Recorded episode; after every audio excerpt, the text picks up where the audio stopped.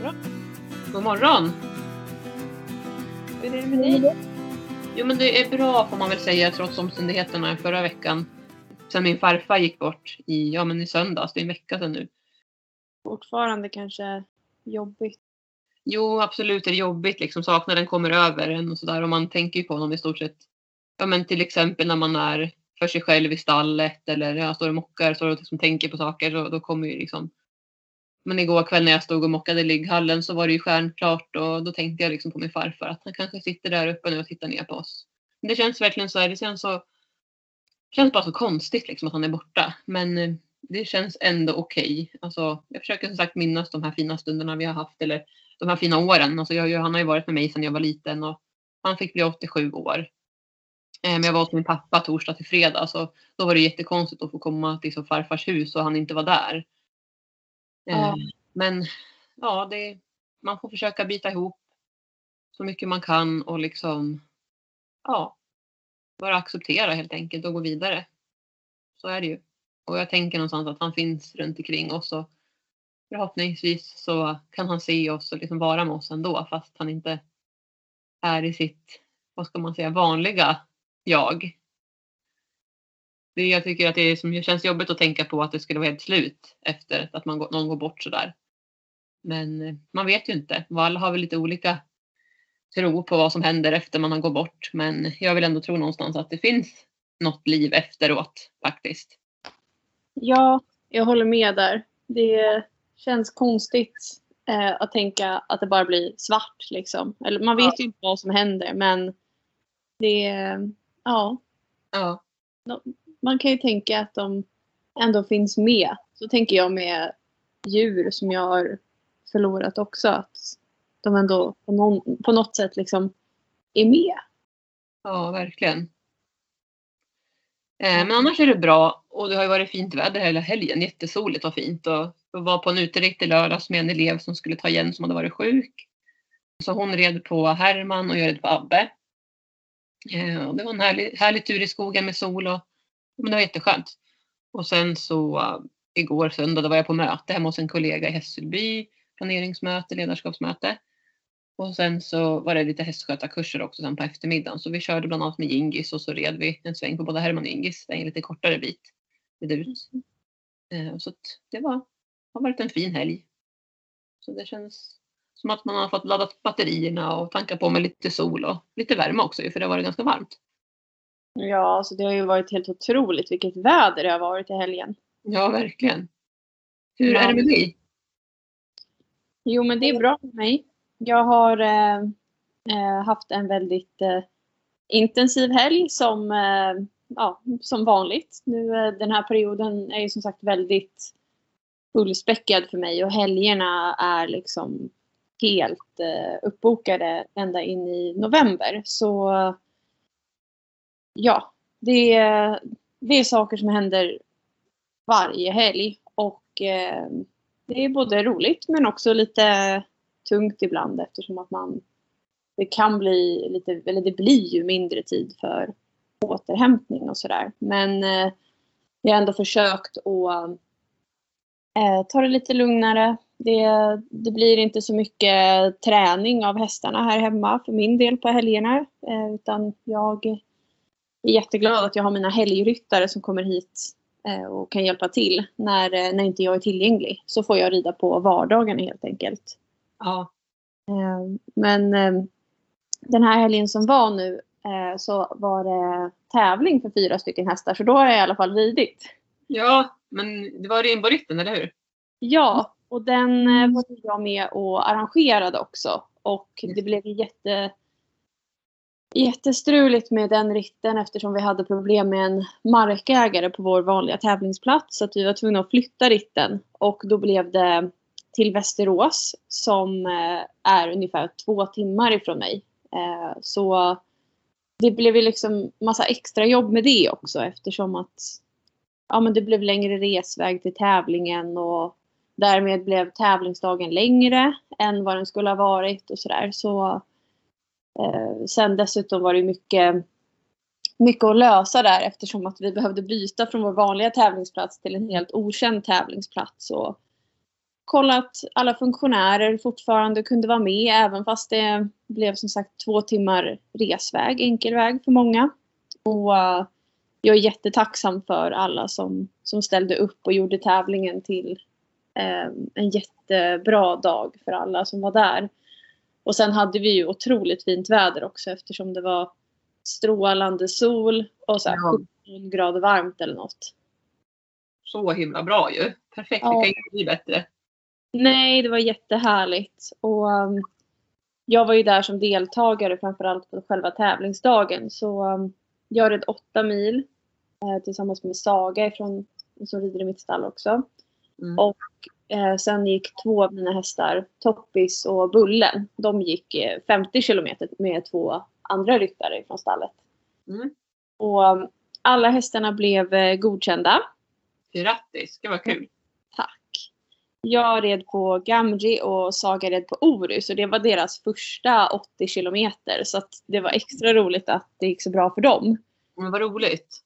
Ja, vi... eh, Ja, men de skötte sig jättebra och eh, ja, man hade jättebra pulstider och sådär också. På, eh, efter första slingan tog det tre och en halv minut och andra slingan tre minuter att pulsa ner och då hade de ändå kunnat gå in snabbare också. Så det känns väldigt, väldigt lovande för framtiden och eh, det känns som att de är i riktigt fin form nu också. Gud vad kul. Grattis. Ja, Hård, hårt arbete lönar sig brukar man ju säga. Ja, men det gör ju det. Och Ja. Som sagt, ibland så är det lite slitsamma, eller det är en eh, tuff period ibland. Så Mm. eh, då får man bara ta sig igenom det så länge man känner att man liksom håller sig på eh, att balansbrädan inte tippar över åt något håll. Liksom. Mm. Eh, Nej, men så är det ju som vi har pratat om också, att så länge man tycker att det är roligt, alltså du tycker att det är kul att tävla, det gör det ju för att du liksom vill det själv. ja. Och saker runt omkring. Så att jag menar, då är det en annan sak. Det kan ju vara värre om man känner att man har mycket runt omkring sig och det är saker som man inte tycker om att göra. Det är då det blir, kan bli lite tokigt också. Liksom. Eh, Ja, och alltså det är ju tufft med, alltså tävlingsdagarna blir ju långa. Eh, speciellt nu när vi hade två timmar att köra till tävlingen. Då, Ja. då ringde ju alarmet klockan fyra på morgonen och eh, ja, men vi lastade väl hästarna vid fem tror jag och åkte hemifrån. Och sen så kom vi hem igen vid kvart i nio på kvällen. Så Det blir långa dagar verkligen, alltså många timmar. man är of, ofta är man ju vaken mellan 18 och 20 timmar faktiskt en sån här dag och det, då blir man lite sliten efteråt. Ja, jag kan tänka att det kommer efter. Ja, det blir, eh, det blir liksom som ett bakslag dagen efter många gånger för mig i alla fall. Mm. Och dagen efter tävlingen så kunde inte jag vila så mycket heller för att jag skulle upp och konfirmera 21 stycken av mina konfirmander. Så det var tidig uppstigning eh, i söndags också. Och så åkte jag till jobbet och jobbade ett par timmar. Och sen när jag kom hem då, då fick jag faktiskt se med mig för att då sa min kropp att nu orkar jag inte vara vaken längre. Så jag, jag åt lunch och sen så gick jag och la mig i soffan och alltså jag somnade och hade inte ställt något larm. Då vaknade jag efter två och en halv timme och jag brukar inte sova så alltså, under så lång tid utan att vakna liksom, på dagen. Nej. Det behövdes väl verkligen. Alltså. Ja men det var väl skönt att du, och bra att du inte ställde ett alarm. För att då Mm. fick du ju sova så länge som din kropp kände att den behövde just då. Ja, precis. Det var Så, ja, men det var jätteskönt och sen när jag vaknade så var jag liksom lite nyvaken sådär en stund men sen blev jag jättepigg på kvällen så Mm. idag känner jag att jag ändå har vilat hyfsat efter helgen. Men eh, ja, jag ska försöka att ladda upp batterierna också när jag rider senare idag eftersom det är så otroligt fint väder. Jag tänkte ta en, Ja. mys, en mysig häst, eller en mysig hösttur med eh, hästarna. Vad härligt. Har du någon mer idag, idag som rider?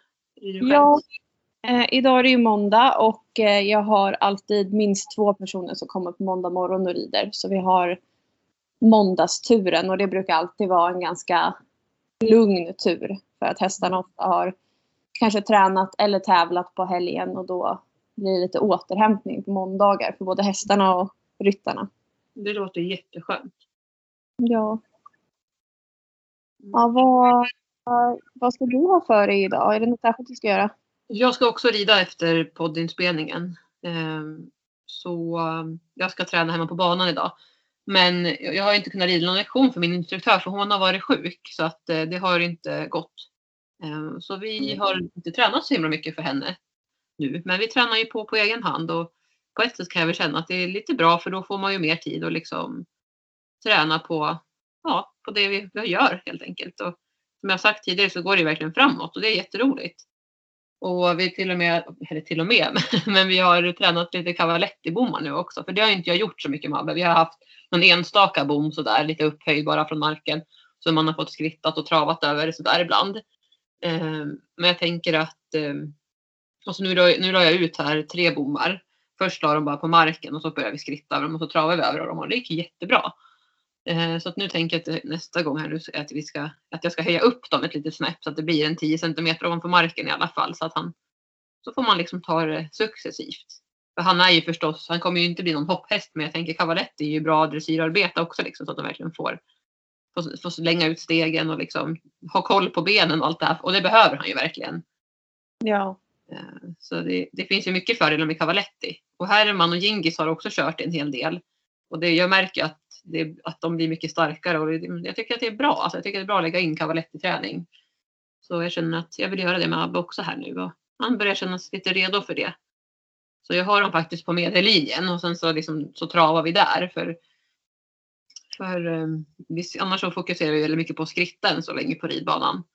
Men eh, jag tycker på medellinjen så travar vi liksom och då uh, ja, det funkar bra tycker jag. Så att det inte blir att han heller hänger upp sig vid staketet. För det blir rätt så tycker jag om man rider bara på fyrkantsspåret. Att de kan hänga upp sig där på staketet och det vill man inte heller ju. Det, och det har jag lärt mig mycket från västernridningen. Att se till att faktiskt hästen har balansen själv. Så att de inte går och stöttar sig då mot staketet. Om du förstår vad jag menar. Ja, jag förstår precis. Ja. Eh, jag håller med om att cavaletti är jättebra träning och det är kul att Abbe har börjat eh, fatta grejer med det också nu. Ja, alltså han verkar gilla det. Man märker det. Och om vi ska tala om Gingis här också och just det här med Cavaletti. Han älskar också det. Han tycker det är jättekul. Så eh, han och jag här i, det var väl i lördags tror jag. Ja, det var det. Då uh, bara sprang jag med honom lös. Eller inte lös, men jag sprang med honom, ledde honom på ridbanan. Utan ryttare. Så, ja, men då hade vi först några lite lägre hinder och sen så hade vi även Cavaletti på medellinjen. Så då eh, ja men då fick han liksom mycket mer energi. För annars så kan han vara lite seg och lite lätt uttråkad på ridbanan. Men han älskar ju, han tycker det är väldigt roligt att hoppa. Så då, då plockade jag fram dem åt honom också liksom. Och tänkte men nu testar vi det här och han blev jättepigg och jätteglad. Och han var så jätteduktig liksom. Det kommer vi göra ännu mer med honom också. Och även som sagt så brukar han göra det med ryttar med. Men jag märker att han har fortfarande lite svårigheter med det liksom. Och det har ju också att göra med ryttarnas, ryttarnas balans och allting. Och eh, ja, så det kommer vi fortsätta med med Cavaletti. Så det är verkligen ett tips tycker jag till alla. Att så här, om man inte tränar det så mycket så gör det tycker jag. Och känner man att man inte har kunskapen så kan man ju ta hjälp som sagt. Um, ja, så det, jag ska rida på Abbe idag och sen så um, vad ska jag mer göra? Sen har jag lite möten och så också idag och lite annat utbildning med mitt andra jobb. Och sen så är hästskötarkurs ikväll. Så jag vet inte exakt vad vi ska göra på hästskötarkursen ikväll. Det kan bli så att vi ska träna King lite grann. Vi får se vad det blir. Men, ehm, men King har också tränats lite grann här nu sista veckan. Så vi var på en, på en liten promenad här om dagen. Första promenaden han fick gå själv. Annars har jag gått med honom och Abbe. Jag vet att jag berättade i ett poddavsnitt här också att jag var ute på en skogstur. Jag, bara, jag ledde båda hästarna från marken. Gick en promenad. Och eh, King då fick gå en promenad själv här i veckan som var. Så det gick jättebra. Jag tänkte liksom att vi tar bara, vi går bara en liten bit ut från gården och så får vi se liksom hur det går. För att han kanske börjar gnägga tänkte jag eller vill vända hem och börja dra så där som han har gjort förr när han kom till mig. Mm. Men nej då, han gick så fint där bredvid mig och jag märkte att han förstås funderade i vad de andra var. Så han liksom så här, taktade in lite på stegen och, och vinklade öronen lite och liksom tänkte så här att ja, vad är de andra? Men ingen, ingen liksom större grej. Jag fortsatte bara gå och liksom låtsades som ingenting och han gick efter. Så att Han var jätteduktig och då gick vi till och med ut på vägen också ner mot Sommarhagen. Eh, men vi gick inte så långt utan jag tänkte att vi vänder ganska tidigt så att man inte liksom går jättelångt första gången. Så vi gick kanske bara fem minuter bort och fem minuter hem. Det var väl knappt fem minuter bort. Men han var jätteduktig hela vägen och försökte inte alls springa iväg eller dra eller gnägga utan han bara gick så jättefint bredvid mig. Som att han inte hade gjort annat, som vilken häst som helst. Liksom. Så jag är så glad att han gör sådana fina framsteg. Han har blivit jätte, jättefin får jag säga. Ja, vad kul. Ja, det känns kul att fortsätta träna honom. Och jag går och funderar lite grann när jag ska starta igång med tömkörning och sådana saker. För han är ju ändå ett och ett halvt nu här. Och tänker mig att det kanske inte behöver dröja allt för lång tid tills vi gör det. Mm. Men eh, ja, vi får se. Jag tränar ju lite longering också. Det får väl, jag tycker det kan ju vara en bra sak att börja med i alla fall. Lite smått så att han kan, men, kan longeras. Sen ska man inte göra det för mycket heller men att han ska kunna det i alla fall. Och, och, så. och det går bättre och bättre. Han liksom lär sig det här med att flytta från tryck. Från både spö och från grimskaft. Från ledrepet och sådär. Så, ja, tycker att det, det funkar bra så här långt. Det blir Ja. spännande att se vad han, eh, vad han kommer bli för liten individ när han blir äldre sen. Ja men verkligen, det är det som är så spännande att följa. Jag har ju liksom inte haft vad ska man säga, ung häst i vuxen ålder. Jag har ju haft Gingis när han var, sen han var två och då var jag visserligen 19 men, men eh, ja och sen så har vi haft vår ung häst, vår hingst som vi födde upp, vår haflinghingst. Men då var jag ju också ännu yngre, då var jag 15 år. Så det är kul att liksom ja, men ha, ha dem från de är så små. Han var ju ändå bara ett år när han kom till mig. Så ja, det, det är kul. Det blir spännande att se. Och det känns i alla fall som att han är lugn med Julin och sådär. Nu kan hon ändå stå med lite grann. Det kunde hon ju inte göra. Liksom barnen fick ju hålla sig långt ifrån honom när, när han kom hit. För att jag var rädd att han skulle trampa på dem. Han får ju omkring hela tiden så han stod inte still en sekund utan han bara skulle ju röra på sig hela tiden och bort från en och sådär. Men nu står han ju still och liksom ja, Julin kan ändå vara med lite grann. Hon har till och med suttit upp några gånger också på ryggen Jaha. korta stunder när han, sitter, när han står och äter och han visar inte någon tillstymmelse alls till att så här, tycka att det är obehagligt eller någonting. Och visst så har han ju maten att fokusera på men jag tänker att det ändå varit ganska så bra att han bara hon, hon bara får sitta upp när jag håller King i grimskaftet. Bara kort stund liksom och så ner igen. Så det har gått bra. Vad härligt. Det ska bli spännande att se. Det, förhoppningen är liksom ändå att han ska kunna bli en kör och ridhäst. Och när det funkar så här bra nu, visserligen är det lite tidigt att säga, men han verkar inte så där jätteflockbunden att han måste ha en kompis hela tiden, utan han har ju kunnat gå iväg och så. Och det tycker jag är väldigt skönt, så man kan gå iväg själv med hästen, när man inte har, måste ha sällskap. Så, Mm. för då tänker jag också att då, på sikt så, när han sen ska ridas in och sådär också, då, då kanske Julin kan hjälp, göra det med att hon sitter på och jag leder och sådär. Och så kommer man ju förstås, förstås börja med det på ridbanan. Men sen när man ska börja ge sig ut i skogen och sådär så blir det lite lättare för mig att bara ha King. Och det är det som är så skönt med honom, att han är så liten och behändig. Så jag får verkligen säga det. Det är ett plus för rasen, de här små hästarna och även shetlandsponnysar också för den delen. Men King är ju snäppet mindre. Att eh, det är väldigt behändigt. Jätteskönt. Det är som att gå med en hund liksom. Ja, men faktiskt. Det är härligt med variationen kan jag känna. Jag blir ändå 1,60 liksom. Ja, det är lite skillnad. Ja, och här är man, även om han har sina 145 centimeter så är han väldigt stark och liksom, han känns väldigt stor för, trots att han är D-ponny. Så. Ja, nej, men det är roligt med kontrasterna. Vad, eh, vad händer i veckan då för dig? Ja, det är... Eh, idag är det hästis. Så jag har ju eh, måndagar, precis som du, eh, eh, barn som kommer hit. Eh, och det är... Det är väl tredje tillfället nu om jag inte minns helt fel. Och det har gått jättebra hittills. Så idag blir det fem stycken barn som kommer. Vad kul! Ja, och vi eh, pysslar och fixar i stallet och, och sådär. Rider lite också. Men Mm, hur lång tid kör ni då? vi har kört från halv tre till fem.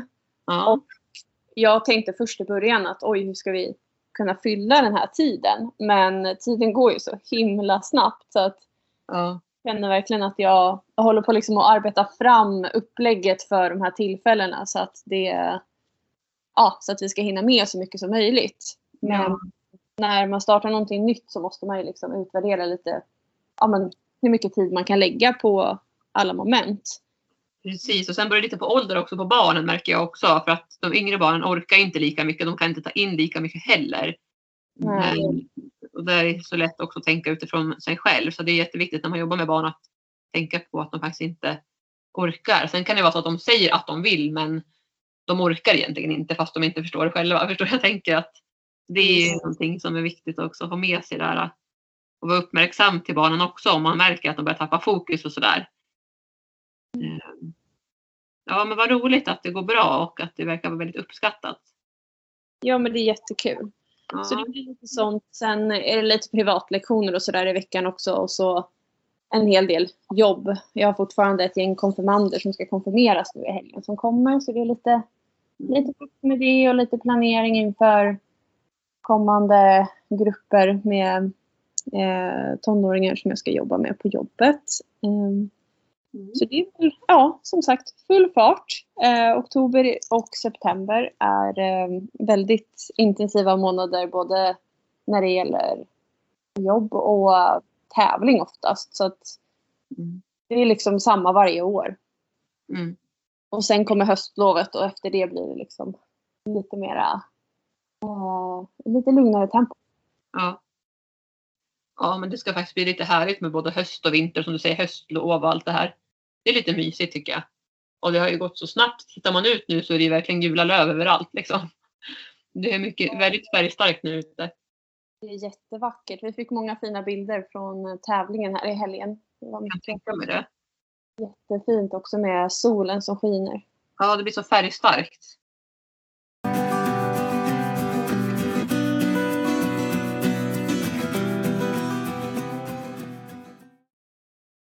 Vi har fått in en fråga här eh, angående hur vi jobbar med nafsiga hästar. Just det. Det var en jättebra fråga tycker jag. Ja, verkligen. Det är ju ehm, ja, men någonting som, som jag kan tycka är lite svårt faktiskt. Eh, Ja. Jag har inte haft så jättemycket nafsiga hästar så det är väl dels därför jag känner att det är lite nytt för mig. Eh, nu har jag en unghäst som pillar med allt om han får möjlighet till det. Så att Ja. eh, jag behöver ju jobba lite med det här. Mm. Men du har väl lite mer erfarenhet? Ja, alltså om vi säger så här, jag har erfarenhet. Vi kan säga så här, här är man den enda som aldrig har varit nafsig. Sen håller han på att plocka mycket med mulen och sådär. Liksom, inte på saker så mycket, men gärna på människor och liksom vill hälsa och ta med mulen. Och det är hans sätt att vara social kan man säga. För ställer man sig och kramar här eller pussar på honom, då vill han liksom bort därifrån. Han är ingen kramig häst så.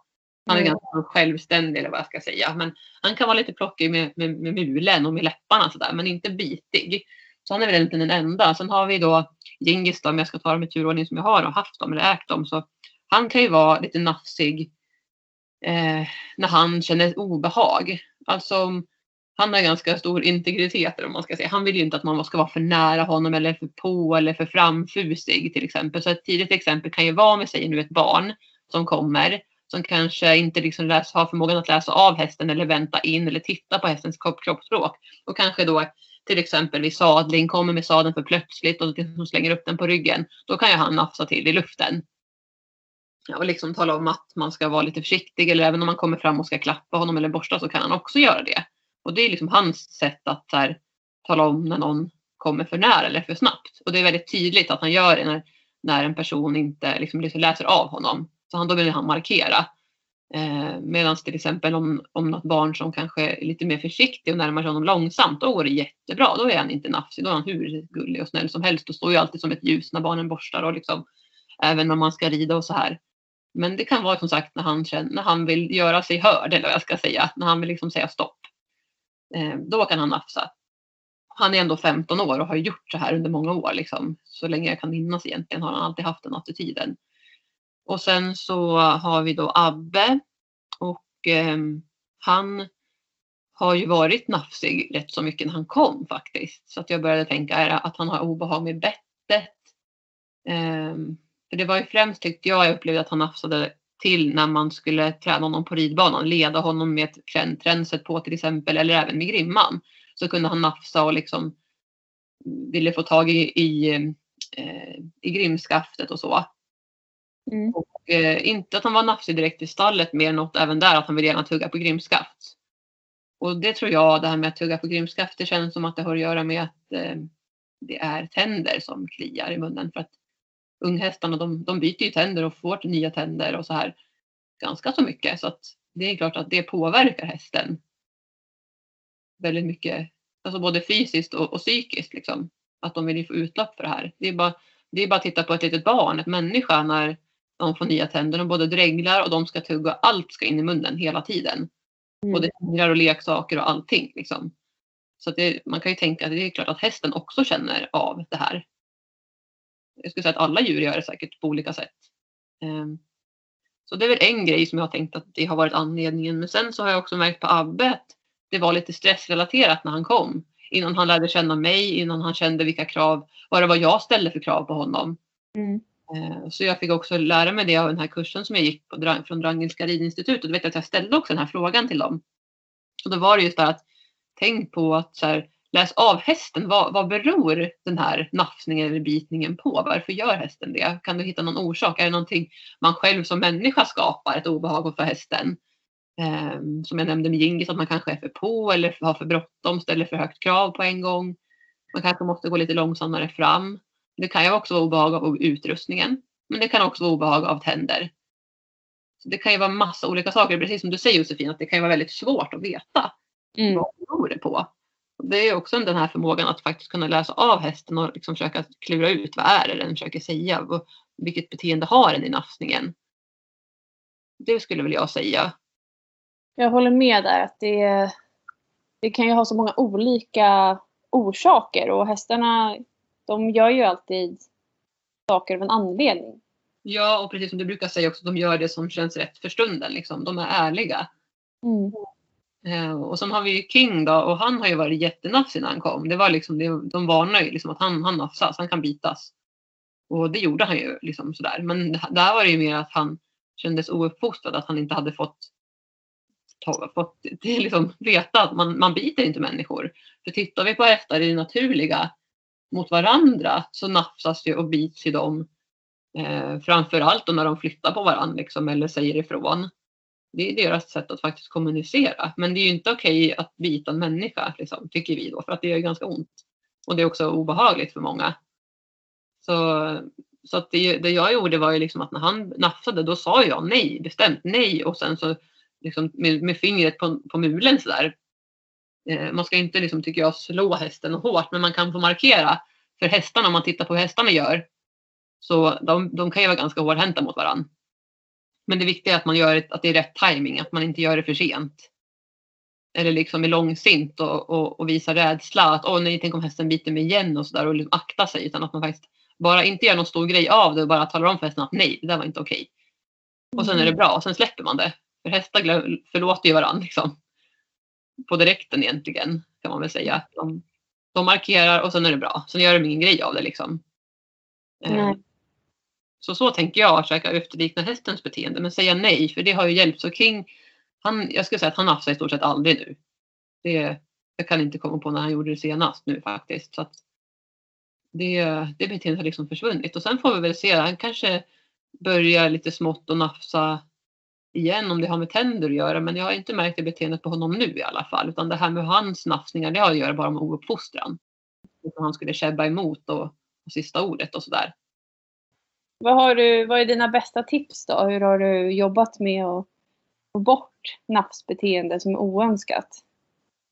Ja, men om vi tar King till exempel så har det varit att säga nej och på direkten när han nafsar så pang på direkt liksom nej och så eh, fia med fingret eller till och med nypa med fingrarna har jag gjort på mulen också. Vrida om lite grann på mulen. Så brukar jag göra. Sen finns det säkert andra som säger andra saker. Men det tycker ändå jag liksom funkat bara för att markera att det där var inte okej. liksom.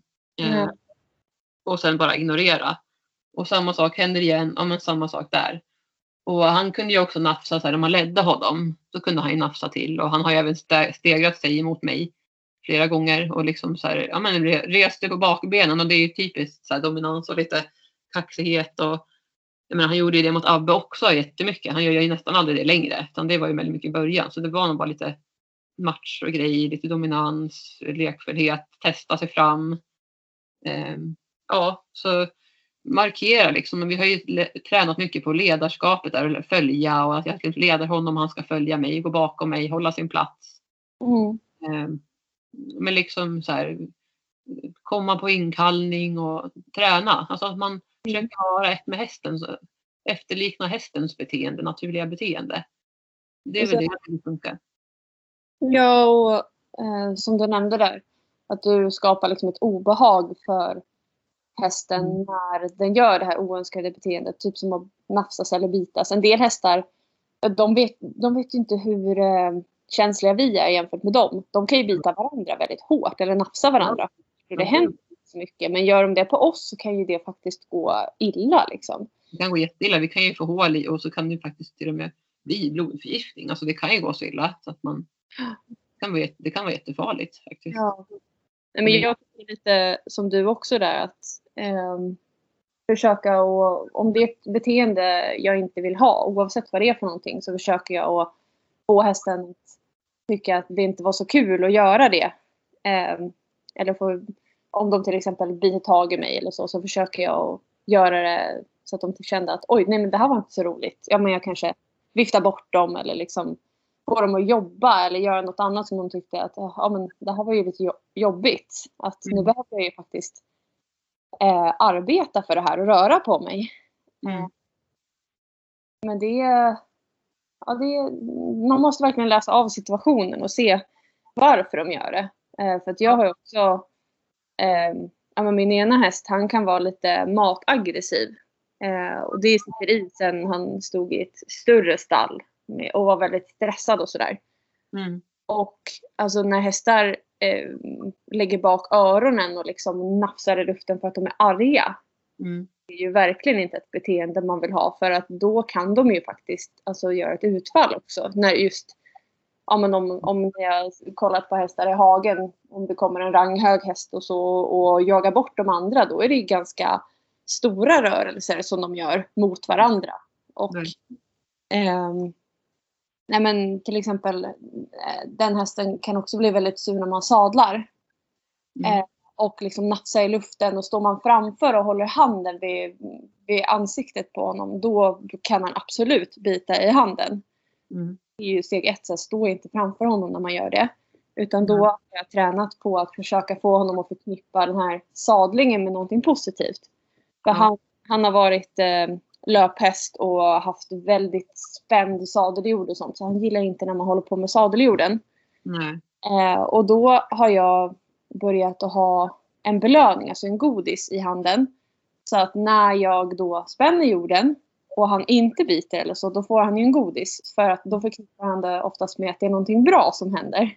Ja, bra. Det, det, det är lite ja, en annan typ av nafsbeteende som man kan... Jag bestraffar inte honom när han nafsar i luften eller blir sur när jag spänner jorden. För att jag vet att det kommer av att han minns ett obehag och det kan ja. inte straffa honom för. Så mm. då istället försöker jag belöna det rätta beteendet, det som jag vill ha. Helt rätt. Jag tycker det var jätte, jättebra. Så det, är viktigt att, men det är jätteviktigt att skilja på det där liksom. För att ja. man, man måste liksom läsa in, ja, men varför gör hästen så här? Och han, ja men det finns alltid en anledning. Ja, och en annan sak som Abbe gör också faktiskt, det här det som jag berättade om innan nu, han har ju, han, nu nafsar han ju inte direkt när man leder honom och sådär utan det enda han kan göra nu, det vi har börjat med, det är att jag låter uppsittningspallen stå kvar på kanten, alltså längs staketet på ridbanan till exempel. Och då vill jag ju flytta Abbe till mot pallen så att han inte kommer för långt ifrån. Jag ska hålla på att flytta pallen efter honom bara för att oj, nu råkar han stå lite längre in på ridbanan mot liksom, mitten. Så då håller vi på att träna på det och då kan han tycka ibland att det är lite obehagligt att flytta sig mot staketet. Och, han är ju väldigt känslig ska jag säga. För mm. beröring och liksom när jag till exempel ska be honom, bara för att förklara, så när jag ska be honom att flytta på stallgången så behöver jag egentligen bara peka i riktningen han ska åt. Jag behöver inte trycka, jag behöver inte lägga på tryck med handen. Medan här är man precis tvärtom. Där måste jag liksom lägga ett tryck med handen. Kan, jag kan få trycka ganska mycket för att han ska flytta sig. Han är lite segare där medan Abbe han kopplar på en gång och vill inte liksom ha för mycket tryck på kroppen.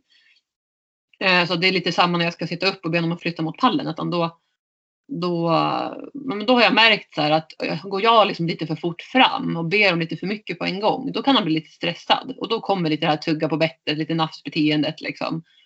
Eh, så så att när han inte riktigt förstår eller liksom inte riktigt vet, känner sig bekväm, då börjar han att så här, ja, men, tugga på bettet och, och kan liksom nafsa lite i luften. Och jag känner hur han blir stressad för att han inte riktigt vet vad, vad är det jag ska göra, vad vill du liksom. Och då får jag ju backa, ta det lite lugnare, ett steg i taget och då går det jättebra. Så det håller vi faktiskt på att träna och det går bättre och bättre nu. Mm. Um, och sen det jag också skulle säga var att när jag sitter upp och rider och gör halter så har han faktiskt börjat att han vänder huvudet mot skänken eller mot min fot. Vilket håll som helst, det spelar ingen roll. Uh, och så kan han liksom nafsa tag lite i stiglädret. Mm. Um, och även i min sko och sådär.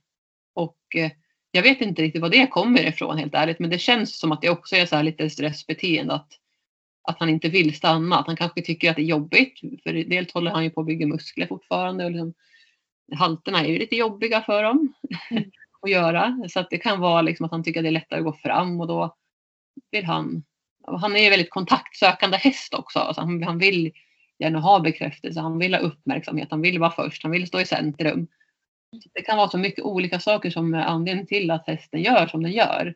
Men det jag gör då det är att jag håller emot i tygen. Så han jag stannar ju liksom med båda tyglarna och provar provljudet eh, och vill att han just då ska stanna och titta rakt fram. Men då när han vänder då håller jag ju kvar ett stöd i tygen så att han ska ta tillbaka huvudet. Eh, och sen när han står rätt då belönar jag och sen får han skritta fram. Så han får liksom bara vänt, finnas i att det är så här jag vill att du ska stå. Belöningen kommer när han står rätt. Och sen får han gå fram och då väntar jag inte för länge för jag misstänker ju att det har att göra med att han vill inte stå still utan han vill gå framåt och då är det kommer det vara belöning nog för honom. Liksom. Mm. Eh, så, och sen tänker jag att man får dels får man väl liksom känna in hästen som vi har pratat om, lyssna, lyssna till hästen. Eh, vad är det den försöker säga? Vad beror det på? Eh, kanske också ibland vara lite lugnare i framtoningen själv, att man inte har för bråttom, gå på för mycket och att, framförallt att man har tålamod. Det, alltså, även om man tänker, ja men nu har jag nog hittat rätt lösning för att få bort det här problemet. Ja, men också ha tålamod att det får ta lite tid. Så att man inte håller på och testar massa olika saker för då kommer hästen också bli stressad och då kommer den inte heller lära sig. Eh, så mycket det vi pratar om att så här, belöna det istället som, som när hästen gör rätt. Mm. Eh, men också att jag tycker inte att det är fel med bestraffning men att man verkligen gör det på en gång så att hästen förstår vad det var man bestraffade och att man förstås aldrig slår hästen. Utan i så fall bara liksom nypa som hästen gör, alltså bita till lite eller man kan till och med bita hästen i munnen om man tycker det är trevligt. Jag har faktiskt testat det någon gång också. Men jag tycker inte det är lika effektivt att göra. Det kan bli lite farligt också i situationer när hästen biter förstås. Men ja. Eh, man blir biten tillbaka liksom i ansiktet. Nej, så att, men annars har jag också hört det att det är faktiskt en bra grej att bita tillbaka som mm. hästen, hästen biter, biter tillbaka. Så, ja, det finns olika saker man kan göra för att, eh, för att få bort ett beteende. Det jag tror inte att det finns något, bara ett rätt, ett sätt som är rätt, utan jag tror att det finns flera sätt. Men och återigen, hästarna är egna individer. Precis som vi människor. Ja. Mm. ja. Det gäller att läsa av dem och göra sitt bästa. Ja, och, och den här personen nu som har skickat in den här frågan, för det första tusen tack för den. Jag tror att det är fler säkert som har samma problem eller som man kanske har varit med om det. Och kanske någon annan har erfarenhet som ni vill tipsa om så får ni jättegärna skriva till oss. Mm. På vår Instagram, på vår Facebook eller på mejlen. Och eh, eh, ja, det, det, det finns ju alltid liksom en lösning. Men jag skulle säga att mycket, nyckeln till mycket är ju tålamod. Jag vet inte vad du säger Josefin? Jo, det gäller ju att ha mycket tålamod när man jobbar med, med djur. Eller ja. barn för den delen. Ja. Mm. Och jag vet inte om vi sa så mycket just det här med tänderna men att det, faktiskt, det tror jag också är en stor grej att de kan ha mycket bekymmer med tänder. När de växer och sådär. Ja. Det kan klia i munnen. Ja men det sa vi. Så mm. ja, jag tror att det är en stor anledning. För jag tycker att jag märker det på Abbe och King nu att de, det börjar liksom försvinna deras nafsbeteende. Och ja visst, King han är ju bara ett och ett halvt. Och, men Abbe är ändå lite drygt sex år nu. Så där eh, har det ju liksom hunnit hänt en hel del i hans mun. Sen har ju han flyttat också och sådär så det har varit mycket som har hänt i hans liv och det tycker jag också man får tänka. Har det skett massa förändringar om hästen plötsligt kanske har ändrat beteende, att de har börjat nafsa. Eh, ja. Hoppas att den här personen i alla fall känner att de har fått svar på sin fråga. Annars är det bara att skriva till oss igen och, Mm. och det kanske kommer följdfrågor också förstås. Ja. Ja, men då säger vi så för den här veckan. Det gör vi. Och alla har det så bra och då blir det första oktober när det här avsnittet släpps på fredag. Ja, Mm. Hoppas att hösten fortsätter att vara erbjuder i alla fall lite sol.